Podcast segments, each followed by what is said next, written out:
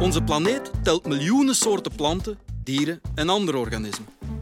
Schattingen lopen uiteen van ongeveer 8 miljoen tot zelfs 1 miljard, wat een enorm verschil is. En daarvan kennen we naar schatting maar een 15 procent. Dus 85 procent kennen we nog altijd niet. Wow, professor Tom Artois, wat een duizelingwekkende cijfers zijn met dat. En ik maar denken dat biologen en taxonomen zoals u ondertussen alles wel wisten. Waarom kennen wetenschappers nog niet alle soorten? Dit is de Universiteit van Vlaanderen podcast.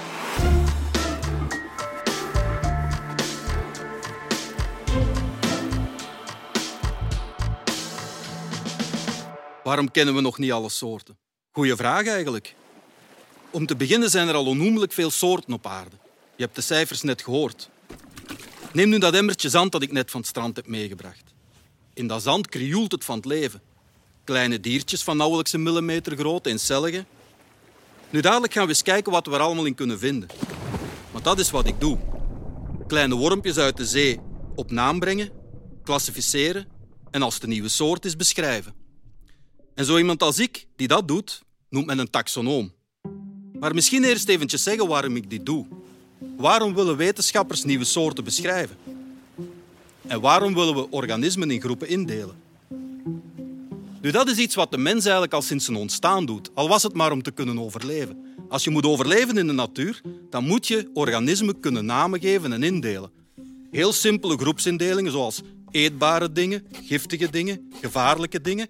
En dan iets fijnere indelingen, bijvoorbeeld wat smaakt er bitter, wat smaakt er zoet, wat is levensgevaarlijk, wat is een beetje gevaarlijk. Dus de mens, om te kunnen overleven, moest organismen in groepen kunnen indelen en om erover te kunnen communiceren, namen geven. Nu, natuurlijk is daar zeer snel een gezonde nieuwsgierigheid bijgekomen. De mens heeft altijd de kosmos rondom hen willen kennen en ontdekken. En wat is het meest nabije in de kosmos is natuurlijk de natuur. En de mens is naar die natuur gaan kijken, is die beginnen bestuderen uit pure nieuwsgierigheid. En als je naar die natuur kijkt, dan zie je een heleboel individuen die heel sterk op elkaar lijken, andere wat minder. Dus met andere woorden, als je naar die natuur kijkt, dan zie je letterlijk groepen van gelijkenis. En die nieuwsgierigheid drijft ons tot op de dag van vandaag. En die groepen die noemen we nu soorten en zelfs families en zo verder en zo voort. Het is een pure nieuwsgierigheid, maar de laatste tien jaar is daar toch nog wel een reden bijgekomen. Of tientallen jaren is daar nog wel een reden bijgekomen. We hebben allemaal gehoord van global change, klimaatopwarming, en dat dat een, een enorm rampzalig effect heeft op biodiversiteit. Dus met andere woorden, die biodiversiteit is enorm aan de achteruit gaan. We spreken nu zelfs van een uitstervingsgolf. We hebben er vijf gehad in het verleden. De laatste is het krijt, dat je allemaal kent van de dinosauriërs die uitsterven. Op het moment zeggen we zelfs dat we in een zesde uitstervingsgolf zitten, een zogenaamde extinctiegolf. En om dat te bestuderen, moeten we natuurlijk weten wat biodiversiteit is en die biodiversiteit kunnen meten. En dan komen we bij de volgende vraag: wat is dan nu eigenlijk biodiversiteit? Nu, biodiversiteit kan van alles betekenen. Kan bijvoorbeeld betekenen genetische diversiteit, enorme variatie aan genetische eigenschappen die we zien binnen groepenorganismen en tussen groepenorganismen. Aan het andere uiterste kunnen we bijvoorbeeld gaan spreken over de diversiteit van ecosystemen, habitats. We hebben savannes, we hebben regenwouden, we hebben heidegebieden. Al die dingen gaan door klimaatopwarming, global change, achteruit. Dat is ook een vorm van biodiversiteitsverlies. Dus met andere woorden, biodiversiteit wordt meestal begrepen als het aantal soorten in een bepaald gebied. En die biodiversiteit, het aantal soorten wereldwijd, gaat erop achteruit en met rassen schreden op achteruit. Dus we moeten het aantal soorten kennen, kunnen tellen, om eigenlijk die impact van klimaatsverandering na te kunnen gaan. Nu, je zou toch wel denken dat na 200, 300 jaar onderzoek dat we daar alles al van weten, dat het aantal soorten goed gekend is. Nu, dat geldt voor sommige groepen maar. En dat natuurlijk de meest bekende groepen. Zoogdieren, vogels, die zijn redelijk goed gekend, het aantal soorten. Toch worden er nog elk jaar een tien à twintigtal nieuwe soorten beschreven. Maar als we dan wat verder gaan kijken, bijvoorbeeld naar de vissen, dan spreken we al over honderden nieuwe soorten die elk jaar beschreven worden. Dus daar nog heel weinig van bekend. En als we dan gaan kijken naar andere organismen, laat me zeggen paddenstoelen, insecten en bijvoorbeeld met wormpjes, dan spreken we over duizenden nieuwe soorten die nog op beschrijving wachten. Om u maar een voorbeeld te geven, in speeltuin van ons, om het zo maar te zeggen, is de Middellandse Zee. Daar gaan we al 25 jaar naartoe, voornamelijk Sardinië. Dat doen we dan altijd met een groep, ieder met zijn eigen specialiteit. We verzamelen daar zand. We kijken naar die wormpjes. Nu zou je denken, na 20 jaar op dezelfde plek moeten we toch ongeveer kennen. Nog altijd zijn een 20% van de soorten die we daar vinden nieuw voor de wetenschap. En een paar jaar geleden zijn we met diezelfde groep eens voor de eerste keer naar de Canarische eilanden getrokken, naar Lanzarote. Daar had ik al moeten zeggen, op één strand 38 soorten van mijn wormpjes, waarvan 34 nieuw voor de wetenschap. Dus er is nog wel wat werk te doen. Nu, als we het hebben over soorten, ik heb u net gezegd dat moeten we leren tellen, dan zouden we toch wel moeten weten wat is een soort nu feitelijk? Want het is een fundamentele eenheid waar we biodiversiteit mee moeten weten. We kennen nog niet alle soorten, maar zou je denken, we weten toch wat een soort is. Nu, daar wringt het schoentje ook weer. En dan draait alles rond Darwin. Die heeft het heel hard gecompliceerd gemaakt, heel complex gemaakt. Darwin kennen we allemaal als de vader van de evolutietheorie. Helft 19e eeuw spreken we dan. En voor Darwin was de wereld eigenlijk heel simpel. God had de soorten geschapen, had die soorten zo geschapen dat ze heel mooi afgelijnd waren en elk met zijn eigen specifieke kenmerken.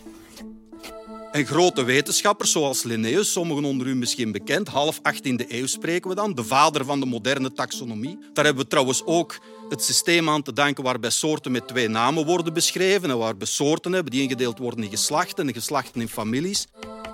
Dat is allemaal het werk van Linnaeus. En Linnaeus zag het als zijn taak om die schepping van God te beschrijven. En hij zocht naar kenmerken om die soorten van elkaar te onderscheiden. En voor hem was het heel simpel. Elke soort was geschapen, onveranderlijk en eeuwig, en elk met zijn eigen specifieke kenmerken.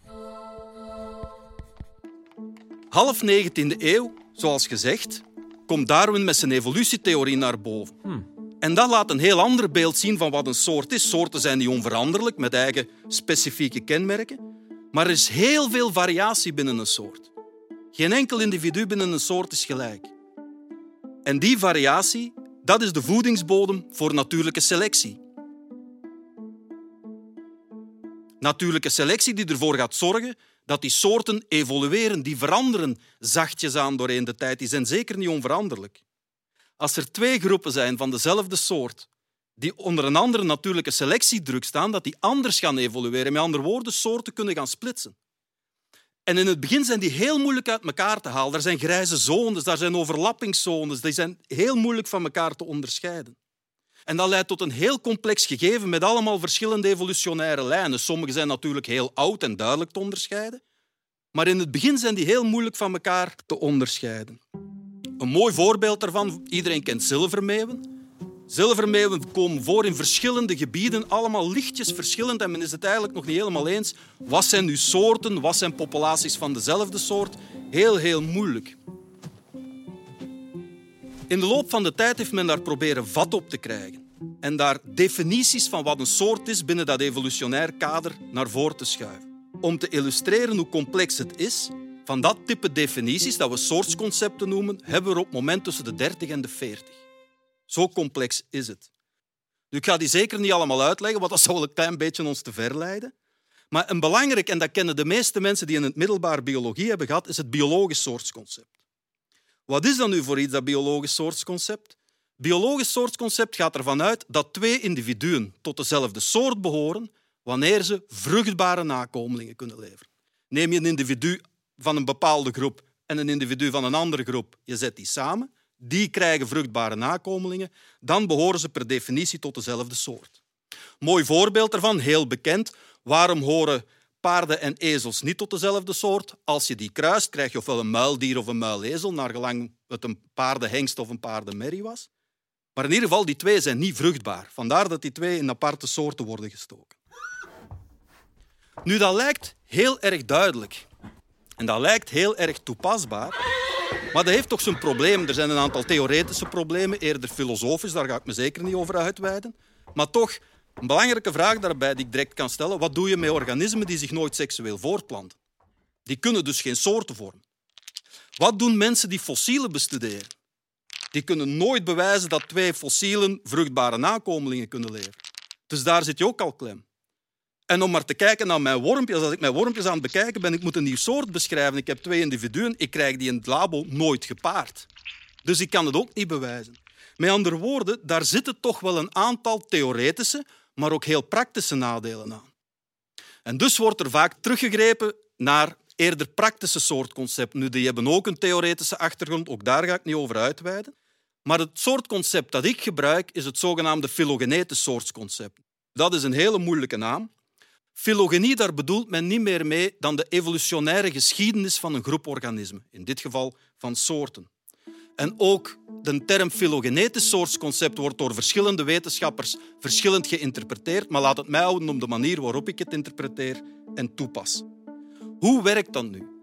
Als je twee groepen organismen hebt die heel sterk op elkaar lijken, maar alle individuen van ene groep hebben een kenmerk dat niet gedeeld wordt door die van een andere groep, dan beschouwen we het als twee verschillende soorten.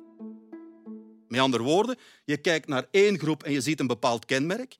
Je kijkt naar een gelijkende groep en je vindt dat kenmerk in geen enkel van die individuen.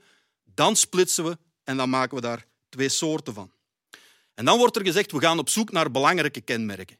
Maar je voelt het probleem nu natuurlijk al komen. Wat is een belangrijk kenmerk? Als ik dan terugkeer naar mijn wormpjes, want dat ken ik natuurlijk het best, dan is dat makkelijk. Ik kijk naar voortplantingsorganen. Voortplantingsorganen die enorm complex zijn bij mijn wormpjes. Er wordt vaak gezegd, die wormen zijn simpele organismen, primitieve organismen. Nu, dat voortplantingsorgaan, of het volledige opbouw van het voortplantingsstelsel, is enorm complex. Vind ik daar grote verschillen in, of zelfs detailverschillen, maar die belangrijk zijn en consistent zijn, dan beschrijf ik een nieuwe soort. Wat ik nooit zal doen, is nieuwe soorten gaan beschrijven bij mijn wormpjes op basis van kleurverschillen bijvoorbeeld. Of grootte, omdat dat kan beïnvloed worden door de omgeving. We weten het niet, maar ik zal het nooit doen. Nu, natuurlijk, er zijn misschien wel andere collega's, andere wetenschappers die dat wel doen. En dan ontstaat er discussie op een wetenschappelijk niveau. Het kan ook afhangen van de groep organismen. Als we naar vogels gaan kijken, bijvoorbeeld, daar worden wel vaak groepen onderscheiden, soorten onderscheiden op basis van kleur. En zo is er ook een voorbeeld van de bosolifant in Afrika, die met een nieuwe soort heeft gemaakt en die merkelijk kleiner is. Nu natuurlijk, daar zit genetische informatie achter, maar toch, daar blijkt grootte wel een belangrijk onderscheidend kenmerk te zijn.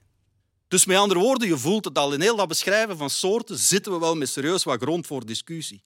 Ten eerste discussie over wat zijn belangrijke kenmerken. Sommige wetenschappers beschouwen een kenmerk als belangrijk terwijl anderen het niet doen discussie vaak tussen wetenschappers binnen dezelfde groep. Welk soort concept gaan we toepassen? Want dat kan tot andere indelingen leiden. En dan kan het nog gebeuren dat bepaalde wetenschappers, zeker in groepen die opvallen en die door mensen als belangrijk worden beschouwd of mooi worden beschouwd, daar niet biologische waarden aan vasthangen. Bijvoorbeeld natuurbehoud is er zo eentje. Zoals je allemaal weet, als we aan natuurbehoud willen doen, dan wordt er gekeken naar soortbescherming. Rode lijsten bijvoorbeeld, lijsten van bedreigde organismen, zijn opgelijst volgens soort. Als je dan een organisme of een groep organismen niet als soort beschouwt, dan wordt ze ook niet beschermd. En dat sluipt in heel veel soortbeschrijvingen ook nog eens door.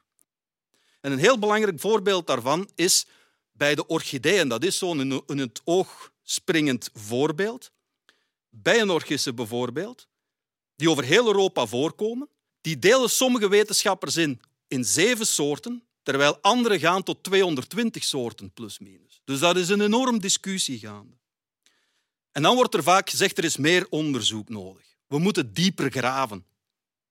Een voorbeeld daarvan is dat je bijvoorbeeld meer diepgaand onderzoek kan doen. En daar ben ik nu ook volop mee bezig. We zijn aan het kijken nu naar mijn wormpjes met technieken die daar nog nooit op zijn toegepast elektronenmicroscopie om die voortplantingsorganen te bekijken, waar we tot in het kleinste detail naar die groepjes kunnen gaan kijken om te zien of we toch niet ergens een verschil vinden. Fluorescentietechnieken waar we het spierstelsel tot in het kleinste detail mee kunnen doen oplichten en zien of we geen verschillen zien. Dus die morfologie, die lichaamsbouw, kan tot in diepgaand detail verder bestudeerd worden.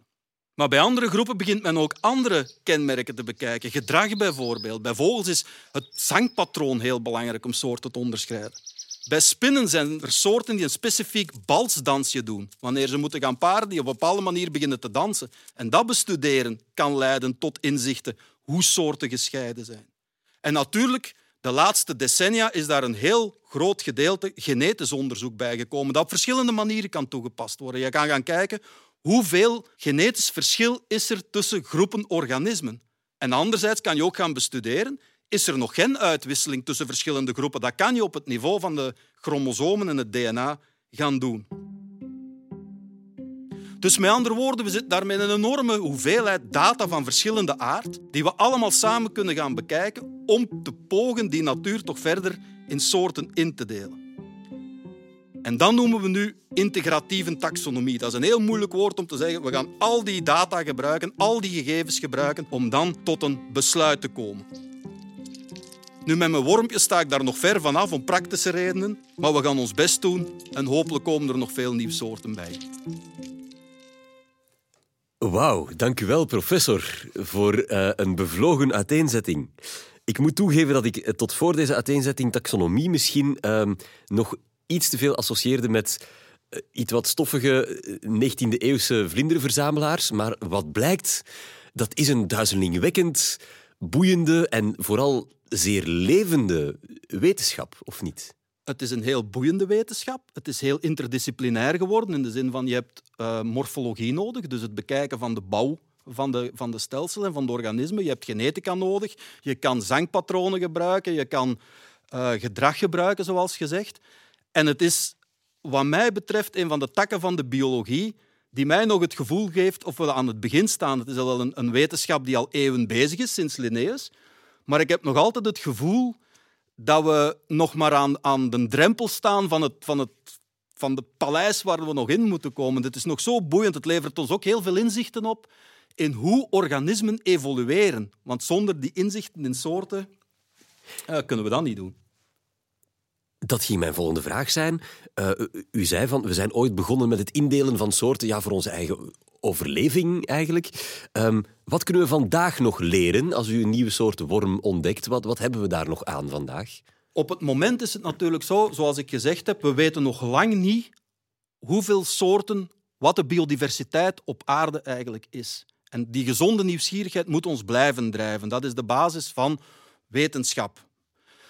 Van de andere kant, als we het dan hebben over inzicht te krijgen in ecologie, Natuurlijk, als je naar een bos gaat kijken hier in Vlaanderen, daar kennen we de soorten redelijk goed. Maar als je nog maar naar het strand gaat kijken, de ecologie van een zandstrand kennen we eigenlijk niet goed. Vooral niet omdat we die, die, die soorten die erin zitten eigenlijk niet goed kennen. Dan kan je de samenhang ook niet gaan bestuderen.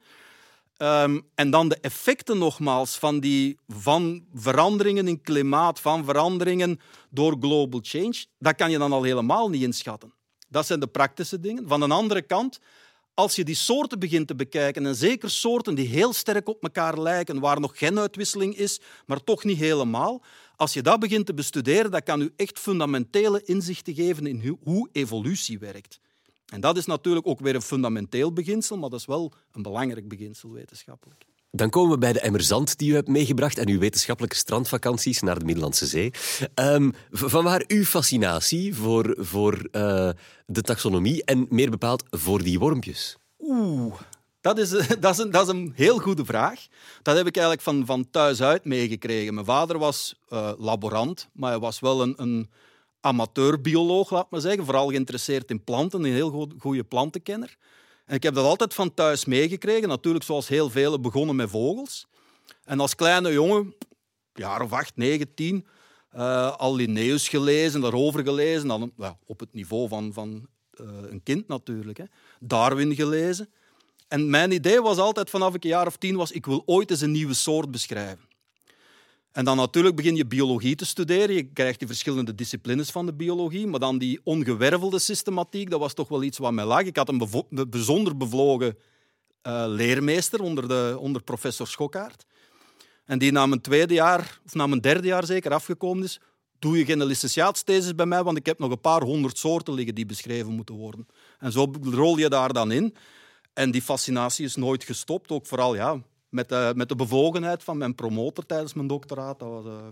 En hoeveel nieuwe soorten heb je ondertussen al ontdekt? Uh, dat is nu een goede vraag. Ik schat nu op het moment een 120, 130. Daar zou tienjarige Tom Artois heel trots op Ja, dat denk ik ook, ja. zijn. Maar eh, om, om maar te zeggen, dat zijn dan de soorten die beschreven zijn. Maar met al die expedities, nu worden wij veel uitgenodigd. Bijvoorbeeld tot Smithsonian twee keer naar Panama geweest, Uruguay acht weken gezeten, Allee, Tanzania, Australië. Dus we hebben wel wat liggen. Ik denk puur van wat we liggen hebben, ruwe schatting toch 500, 600 soorten die nog op beschrijving wachten, die nu klaar liggen in het labo. Het probleem is mankracht. We hebben meer eh, biologen, taxonomen eh, nodig. Je hebt heel vaak gezegd, mijn wormpjes. Kan je ons kort even meenemen in eh, wie, zijn die wormpjes precies? Over welke soorten hebben we het dan? Ehm, dat gaat over platwormen. Ehm, de meeste mensen hebben dan direct een glimlach. Ah, platwormen. Ehm, dat kan je misschien kennen van de lintworm. Dus de platwormen, dat zijn al... Eigenlijk, als je dat, dat simpelweg bekijkt, zijn twee groepen. Je hebt de parasitaire, waar de lintworm bij hoort, de leverbot bij hoort, de vossenlintworm bijvoorbeeld, Echinococcus, die ook bekend is. Maar dan is daar een groep van vrijlevende platwormen die bijna niemand onderzoekt. Eh, dat is heel erg divers.